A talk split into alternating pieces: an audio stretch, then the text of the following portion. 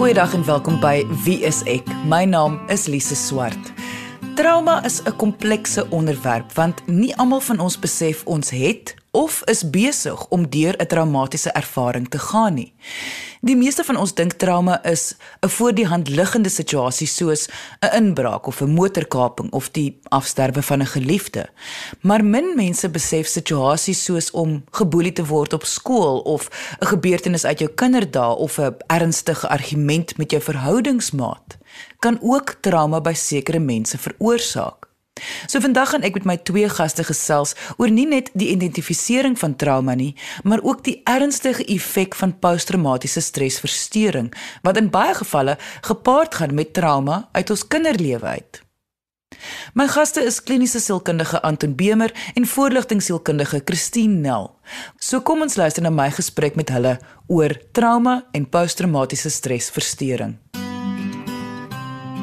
Ek wil graag begin met wat is trauma? Ek wil doodseker maak ons almal verstaan mooi wat trauma is, veral omdat julle verstaan van trauma. Julle is nou die sielkundiges.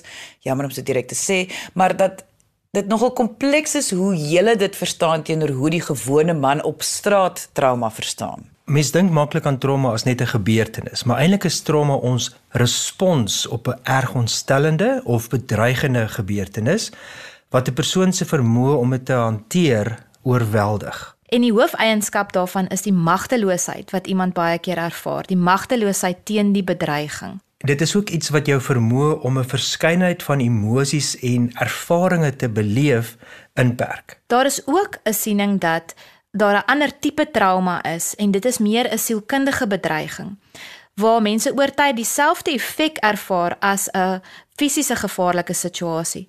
Byvoorbeeld die effek van herhaalde verwerping of om herhaaldelik emosioneel geboelie te word of die effek van om gereeld vergeet of verlate te wees of die ervaring dat jou broers of jou susters bo jou verkies word oor tyd het dit baie soortgelyke um, effek op 'n mens as wat daardie groot fisiese traumas op 'n mens kan hê. Dit laat ons egter ook nie net alleen met slegte emosies soos byvoorbeeld vrees of skaamte nie, maar in sekere gevalle kan dit dan ook nadelige fisiese gevolge inhou. Anton, as gevolg van jou werk as neurosielkundige is jou kennis van die brein se werkings nogal ekstensief. So, wat gebeur in 'n persoon se brein wanneer trauma plaasvind? Die maklikste om dit te verduidelik as ons dink aan 'n kind wat trauma ervaar. En vir 'n kind maar ook vir 'n volwasse persoon kan daar 'n verandering in die persoon se breinstruktuur plaasvind. Met ander woorde, dis nie net 'n emosionele belewenis uh, wat mense dalk op die oppervlakte sien nie. Maar daar is veral vir drie breinstrukture wat erg geraak word deur trauma. Die een is die amygdala. En dit is ons brein se alarmstelsel as ons of 'n gevaar sien of iets wat potensieel gevaarlik is. Dan gaan daardie alarm af.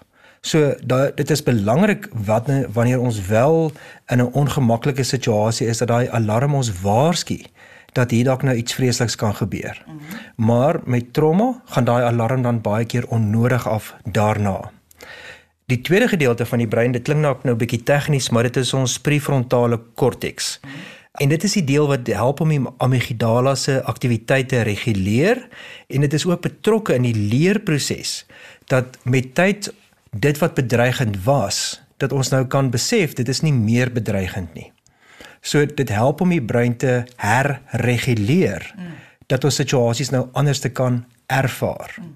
En en trauma affekteer daardie dat daardie reguleringsproses dan nie so goed plaasvind nie en dat ons aanhou om amper vas te steek by sekere ervarings alhoewel die gevaar nie meer daarteenwoordig is nie. Die derde baie belangrike komponent is die hippocampus. En die hippocampus is die deel wat vir die brein help om inligting vas te lê. Dit is met ander woorde waar ons leer, hoe ons leer en dit is deel van die geheueproses. En natuurlik onthou ons slegte dinge baie beter as wat ons goeie dinge ervaar. Die slegte goed wat met trauma gepaard gaan, bly ons baie keer langer by en baie meer intens by omdat dit so diep vasgelê word en die hippocampus en die amygdala is baie naby mekaar geleë. So as ons met ander woorde onthou wat sleg was of iets wat ons bedreig het, dan gaan daardie alarm weer maklik af. Watter effek het trauma op mense se lewens en wanneer moet mens begin kyk vir tekens van posttraumatiese stresversteuring? Ek ek wil 'n onderskeid tref tussen trauma met 'n klein T en trauma met 'n groot T. OK. So trauma met 'n klein T is da, daardie situasies waar jy nie noodwendig fisies in gevaar is of iemand se lewe word bedreig nie, maar dit is nog steeds traumaties. So dit kan wees dat ehm um, jy sien iemand word deur 'n hond gebyt. En en dit is 'n baie slegte ding om te sien, maar dit is nie noodwendig so dat dat jy nou oor en oor daaraan gaan dink nie of dat jy slegte drome gaan kry daaroor nie. Dit is soms so dat, dat die persone wel dan al weer so geleentheid ervaar en dan is dit vir hulle baie erger want nou is daar twee geleenthede wat hulle dit ervaar en en nou raak hulle banger vir honde. OK. Dit bly egter iets wat meer in die konteks van dag tot dag lewe gebeur. Weet finansiële stres kan deel wees daarvan. Konflik kan weer deel wees daarvan. Uh, iemand wat in 'n wetlike proses of 'n geregsproses betrokke is kan dit ervaar. Maar trauma met 'n groot T is die wat buitengewoon is en dit is die dinge wat baie meer beduidende ongemak veroorsaak of 'n ervaring van magteloosheid dat jy niks daaromtrent kan doen nie. Dit is iets wat in jou lewe inkom en mense dink byvoorbeeld aan enige iets van ek dink nou weer aan die terroriste aanval in Nieu-Seeland. Iets wat 'n natuurlike ramp kan wees soos soos die siklone wat ons in Mosambiek gesien het waar baie mense hulle lewens verloor of natuurlik in die nuwe kriteria van uh, PTSD sien ons ook seksuele trauma. So daar is 'n baie ernstige stresor gevaar wat plaasvind en dit is vir die persoon nie moontlik om iets daaromtrent te doen nie. Dit is buitengewoon en daarmee het dit ook 'n buitengewone impak op hulle manier om dit te verstaan, te prosesseer en te hanteer. Indien iemand getraumatiseer is, kan dit effek hê op hulle gemoed, Met ander woorde, hulle kan meer laag voel of hulle kan meer gespanne voel. Dit kan 'n effek hê op hulle gedrag, op hulle slaap en eet, op hulle uitsette of hoe effektief hulle is by die werk of by die huis of in hulle verhoudings. En dit kan maak dat mense sukkel om normaal te funksioneer. So mens moet kyk in die eerste maand of so van 'n na 'n trauma kan 'n mens daai tipe van effek verwag. As dit langer as 'n maand begin aanhou, dan moet 'n mens begin kyk na verstoring soos posttraumatiese stres. Die eerste maand kyk 'n mens na 'n akute stresreaksie en dit is wat baie mense sal ervaar nadat hulle in 'n traumatiese ervaring was. Maar na omtrent 4 tot 6 weke, as daardie simptome nog steeds aanhou of dalk vererger, dan begin ons kyk na posttraumatiese stres en dan raak dit baie ernstig en noodsaaklik om behandeling te kry daarvoor. Jy luister na Wie is ek op RCG 100 tot 104 FM. Dit is ook moontlik dat 'n mens 'n traumatiese ervaring kan hê as kind en dat jy dan eh, op 'n manier leer om daarmee saam te leef. Jy is ook nie bewus van die simptome nie of jy die traumatiese ervaring word onderdruk en dan in latere jare dan kom daardie simptome uit of 'n mens kom agter hoe dit begin het om jou funksionering te vorm of jou persoonlikheid te vorm. En dit is dan nog steeds noodsaaklik om dan daaraan aandag te gee en daarvoor hulp te kry. Want selfs al is dit iets wat al baie lank by 'n mens sit, dit is moontlik om om nog steeds daai trauma te prosesseer en te kan aanbeweeg. Konteks speel altyd 'n rol. Soos byvoorbeeld die afsterwe van 'n geliefde gaan vir amper alle mense een of ander vorm van trauma veroorsaak. So net om posttraumatiese stresversteuring in konteks te sit. Wanneer sal 'n persoon diagnoseerbaar wees met 'n verstoring, selfs al is die konteks iets so algemeen soos 'n verlies vir almal? Kyk, mense moet 'n onderskeid maak tussen wanneer dit 'n verlies is en daar is natuurlike reaksie van rou byvoorbeeld soos as iemand afsterf daar is hartseer daar is 'n gevoel van iemand is nou net nie meer daar nie. En en daardie verlieservaring rou ervaring sal ons sien as normaal dis 'n normale menslike reaksie. Maar dis nie 'n diagnose nie Dit hang af hoe lank die persoon nog sit met die simptome en die impak daarvan op hulle funksionering. Hoe groot die impak is en hoeveel van hulle funksionering ehm um, ingekort word of ehm um, beperk is as gevolg van die intensiteit van die simptome. Na iets soos 'n verlies kan 'n mens verwag dat iemand deur 'n routydperk gaan gaan en selfs 6 maande later nog sit met ehm um, ervarings van verlies en uh, en hartseer en dit is heeltemal te verstaan en normaal. Maar as 'n mens da, sit met met snellers waar jy plofbaar is of waar jy groot skrik of waar jy ewe skielik baie angstig raak, dan is dit nie net die gewone hartseer nie, dan is dit meer 'n posttraumatiese reaksie. Dan sal ons begin dink dat hierdie begin nou 'n lyn oorskry tussen wat 'n menslike normale reaksie is en iets wat baie meer problematies is en voldoen aan die kriteria van 'n posttraumatiese stresversteuring. Moet 'n persoon wag voor hulle vir hulp vra totdat hulle 'n diagnoseerbare posttraumatiese stresversteuring ervaar of kan mens dit juis voorkom deur so vroeg moontlik vir traumabehandeling te gaan? Dit vir my is dit 'n belangrike onderskeid tussen so vroeg as moontlik en onmiddellik want ek onthou tydens my opleiding in die 1990s het mens baie keer op televisie gesien daar's rouberaders op 'n ongelukstoneel voordat die ambulans nog daar aankom. So daar was hierdie ingesteldheid gewees jy moet dadelik sielkundige ondersteuning kry en weet jy ons hou nie meer vas aan daardie teorie nie. Die belangrikheid is wel dat iemand wat sukkel om daardie gebeurtenis te hanteer of dat dit so slegte impak op jou maak dat sielkundige hulp nodig is om te voorkom dat van die simptome langer durend is. So om dit vroeër aan te spreek is natuurlik beter as later, maar dit beteken nie dit moet dadelik gebeur na 'n slegte ervaring nie. Maar ons kry ook mense wat eintlik wil ontken dat die ding gebeur het en wil maak asof dit nie gebeur het nie en aangaan asof dit nie gebeur het nie. Dis juist daardie mense wat ek graag sal wil aanmoedig om juist te vra vir hulp. Want as 'n mens geneig is om 'n ding te probeer ignoreer of onderskei of so, dan is dit 'n risiko dat 'n mens kan simptome ontwikkel. In vandag se episode gesels ek met kliniese sielkundige Anton Bemer en voorligtingsielkundige Christine Nel oor trauma en posttraumatiese stres. Want in baie gevalle is trauma nie so voor die hand liggend soos wat 'n mens dink nie. Dit hoef nie noodwendig iets spesifieks te wees wat met jou gebeur nie, want in baie gevalle ervaar mense posttraumatiese stres of selfs nog trauma as gevolg van iets wat in hulle kinderdae gebeur het wat hulle in baie gevalle nie eers kan onthou nie. Indien jy nou eers ingeskakel het en graag die volledige episode wil luister, kan jy dit gaan aflaai as 'n potgooi op RSG se webwerf by www.rsg.co.za. Maar kom ons luister verder na my gesprek met Anton en Christine oor trauma en posttraumatiese stresversteuring. Wat is die tekens waarvoor mense moet uitkyk om aan die kriteria te voldoen van posttraumatiese stresversteuring? So eerstens het 'n mens die ervaring van 'n traumatiese gebeurtenis. En dan in die eerste maand na dit kan 'n mens sukkel met slaap. Jy kan sukkel dat jy groter skrik as gewoonlik. Jy kan 'n bietjie laag voel of 'n bietjie opgewend voel, meer geïrriteerd voel. Jy kan voel asof jy flashbacks kry. Jy kan voel asof jy sekere dinge wil vermy.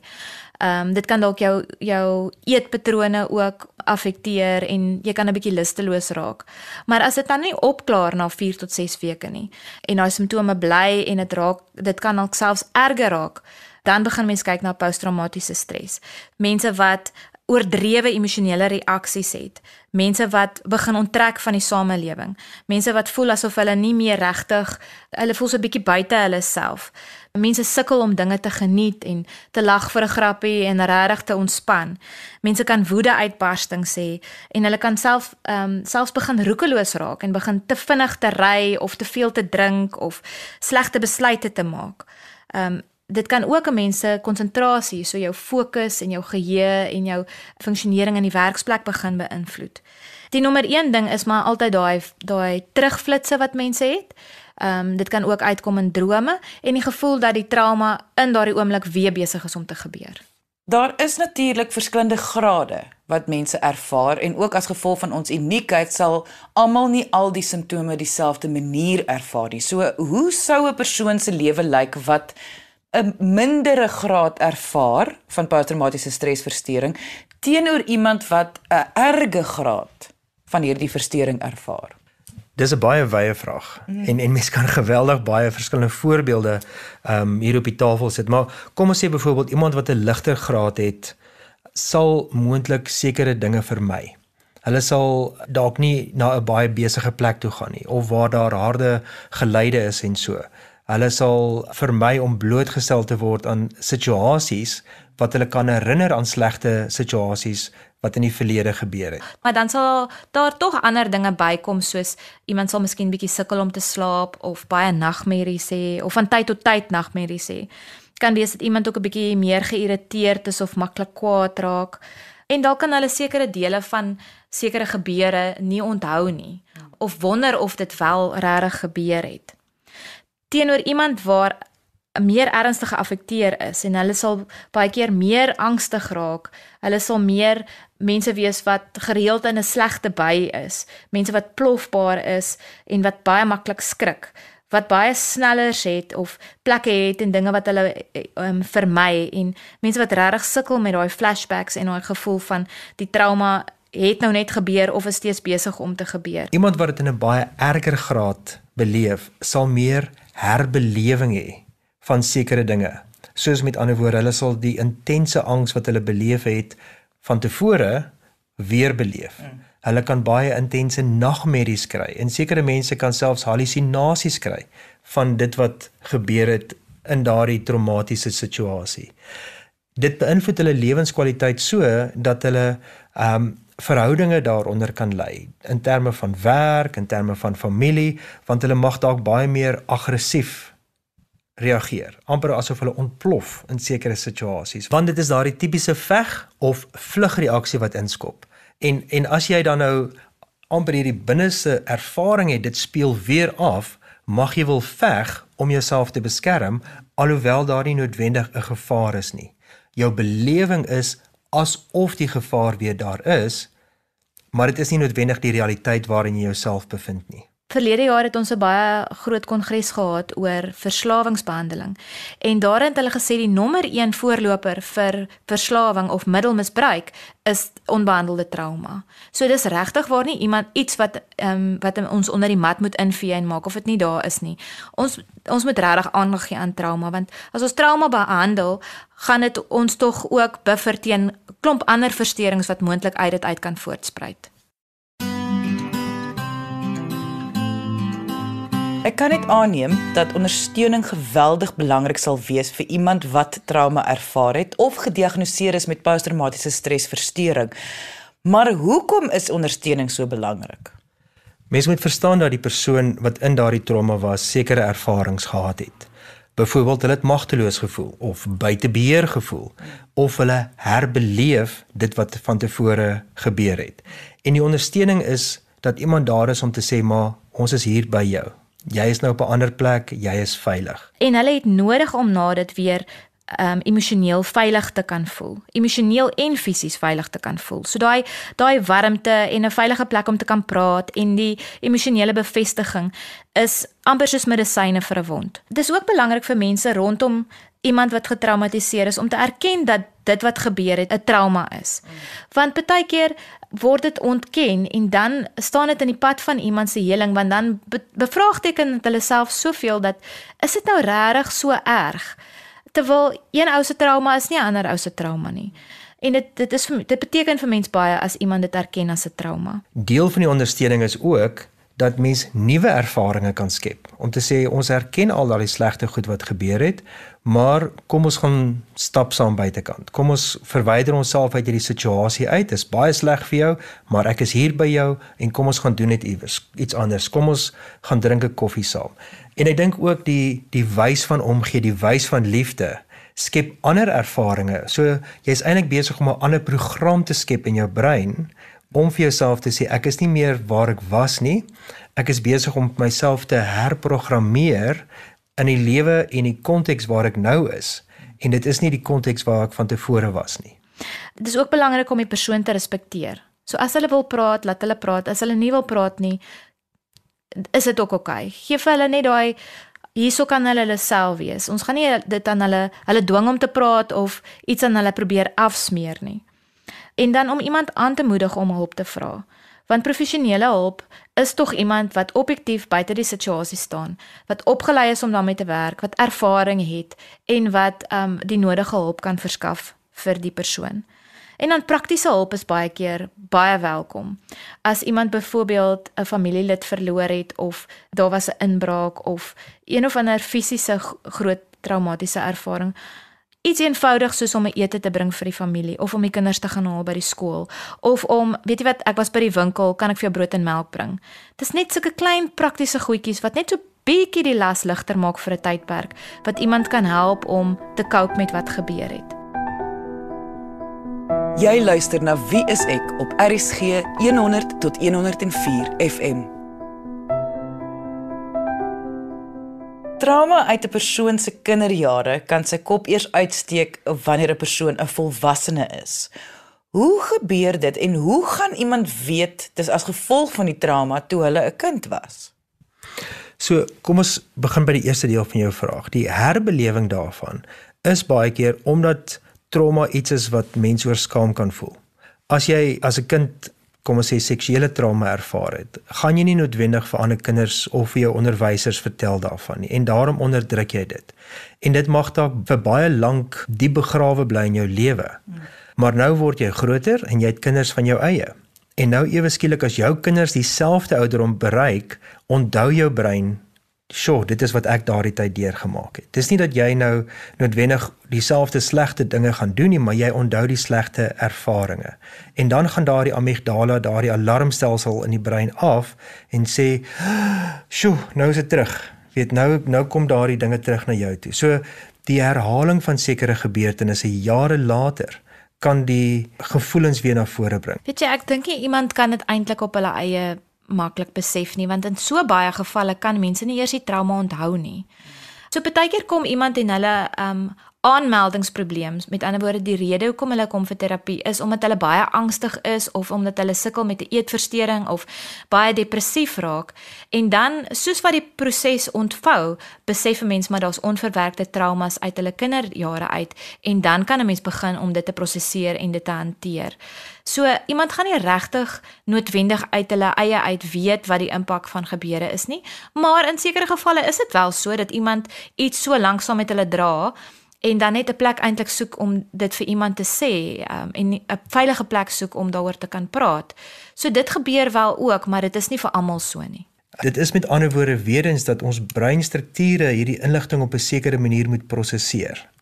En baie keer kan ons dit baie goed onderdruk of verwerk en in plek hou, maar later gebeur daar iets. Jy word deur jou baas uitgeskel by die werk en dit bring dan weer hierdie ervaring terug van 'n klein seentjie wat deur sy pa baie sleg behandel is. Ja. En skielik kom daar 'n baie sterk angs of aggressiewe gevoel by jou na vore. Trauma is 'n onderwerp wat mense nie ligtelik moet opneem nie, want dit veroorsaak goed soos depressie of angstigheid en selfs in sekere gevalle paniekaanvalle. So, wat is vir julle die belangrikste punt om uit vandag se episode te neem? Om eerlik met 'n mens self te wees na 'n traumatiese ervaring en self die trauma te erken, is ontsettend belangrik of dit nou in ander mense se oë 'n groot ding was of nie, dit maak nie saak nie. As jy voel dat dit jou lewe geaffekteer het en dat dit 'n groot iets was, gun jouself die oomblik om dit te erken dat dit sleg was en dat dit effek op jou funksionering gehad het. Gun jouself ook die spasie om te ontgin wat die effek daarvan was, hoe dit jou lewe beïnvloed het. En deel dit met iemand, verkieslike terapeut wat dit kan hanteer sodat jy ook berusting kan vind na 'n trauma. As jy trauma ervaar het van kindsbeen af en op 'n gereelde basis, is daar 'n groter kans dat jy later in jou lewe angsprobleme of probleme met depressie kan ervaar.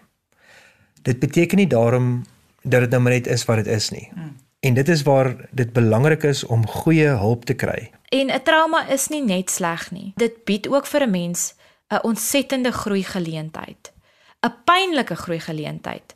Maar as 'n mens dit reg hanteer, kan 'n mens terugkyk en jy kan iets van waarde uit die gemors uithaal. Dit is heeltemal moontlik en dit is die hoop wat saam met trauma gaan, is die hoop dat dit kan groei bring. So dis nooit te laat om hulp te kry daarvoor nie, alhoewel dit 'n komplekse probleem is. Indien jy enige vrae het oor vandag se onderwerp of net jou storie met ons wil deel, kan jy ons kontak via ons webwerf by www.wieisek.co.za of jy kan kom saamgesels op ons Facebookblad onder wieiseksa. Onthou elke maandag om 12:30 gesels ek regstreeks met 'n sielkundige oor verskillende sielkundige onderwerpe op ons Facebookblad by wieiseksa. So kom vra jou vraag. Dankie dat jy vandag ingeskakel het. Ons maak weer so volgende Vrydag 12:30 net hier op RSG. Jy moet 'n heerlike naweek hê en onthou, kyk mooi na jouself.